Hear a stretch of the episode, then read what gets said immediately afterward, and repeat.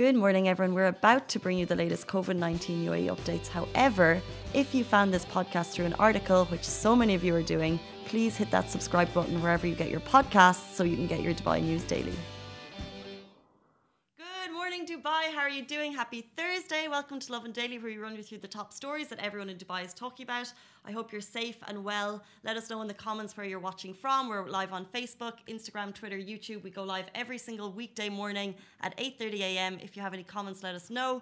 We run you through the top stories. Today we're going to be talking about metro stations in Dubai have been renamed. We don't want you to get lost on your next trip.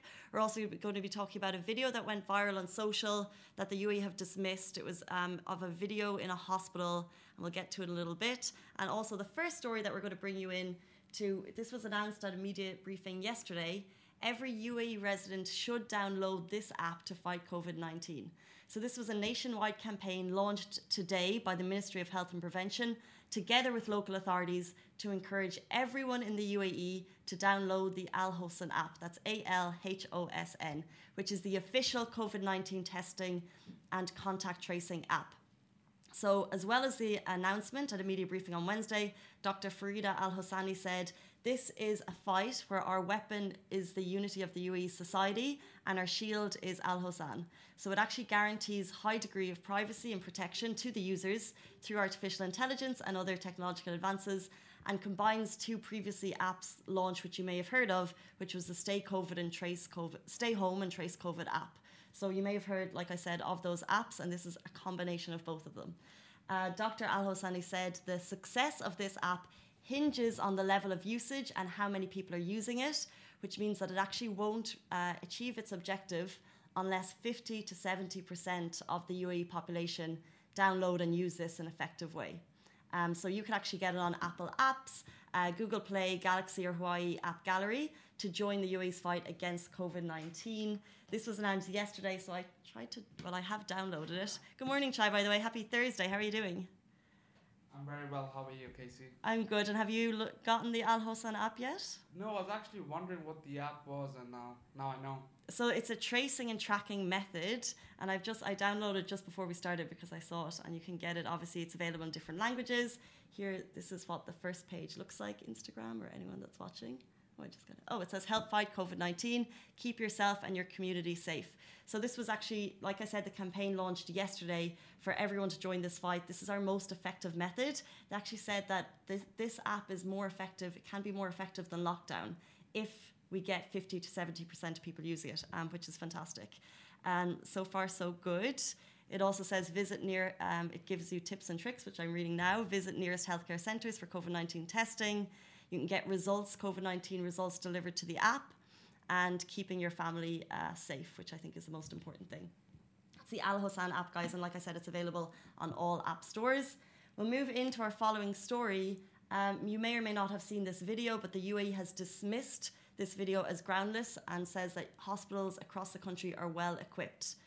So there's actually a video uh, that's been shared on social that shows the unavailability of certain medical supplies in a UAE hospital and the government has quickly dismissed this as groundless. Um, you, on Instagram, you can't see beside me, but on Facebook, you can see this was a notification that went off, off across media channels uh, showing that they're denying this video. The Ministry of Health and Prevention clarified that all hospitals and medical centres are well equipped with all necessary supplies. So I think that will give you all peace of mind.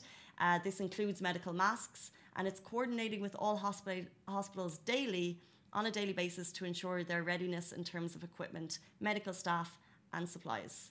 Uh, members of the public, public are urged to not circulate false and misleading rumours, and a- legal action has already actually been I- initiated against the person who made the claim and the person who shot this video.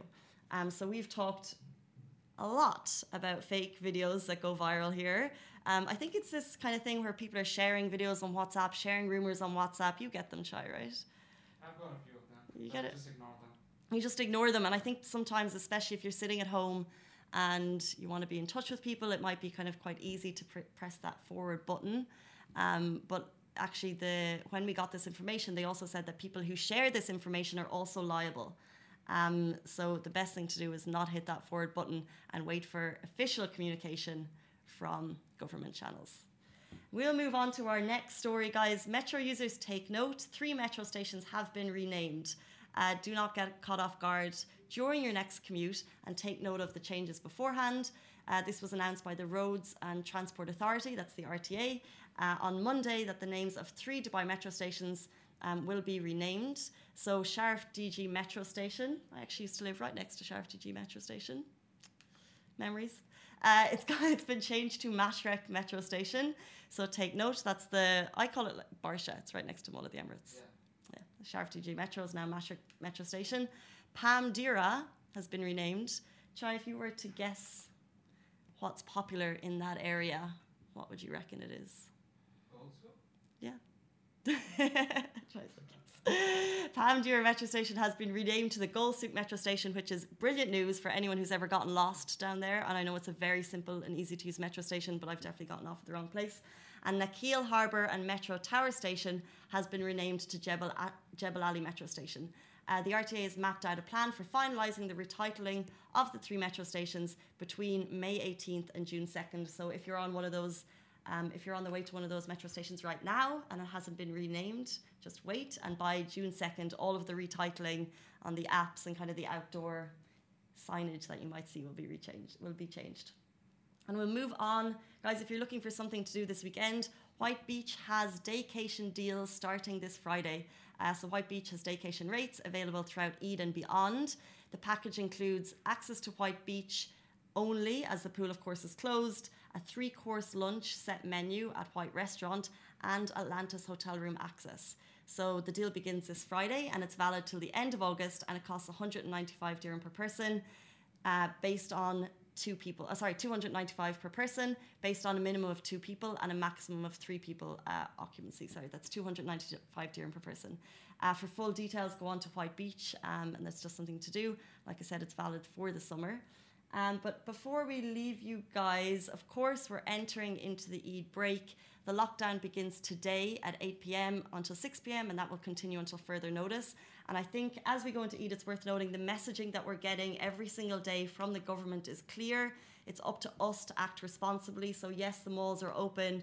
We're seeing a small bit of economic activity, but the best thing that we can do uh, is to keep a safe physical distance, wear our masks properly. Down here doesn't count. Wash our hands as much as we possibly can. Chai's wearing his. Always. Always. Um, wear it as much as um, wear it in public places. And of course, we know that the fines have increased as we're going into Eid. Uh, the lockdown has been extended a little bit, and all that we can do to keep ourselves safe is keep, like I said, keep our physical distance. Those are top stories. I hope you had a great one. We'll be back with you.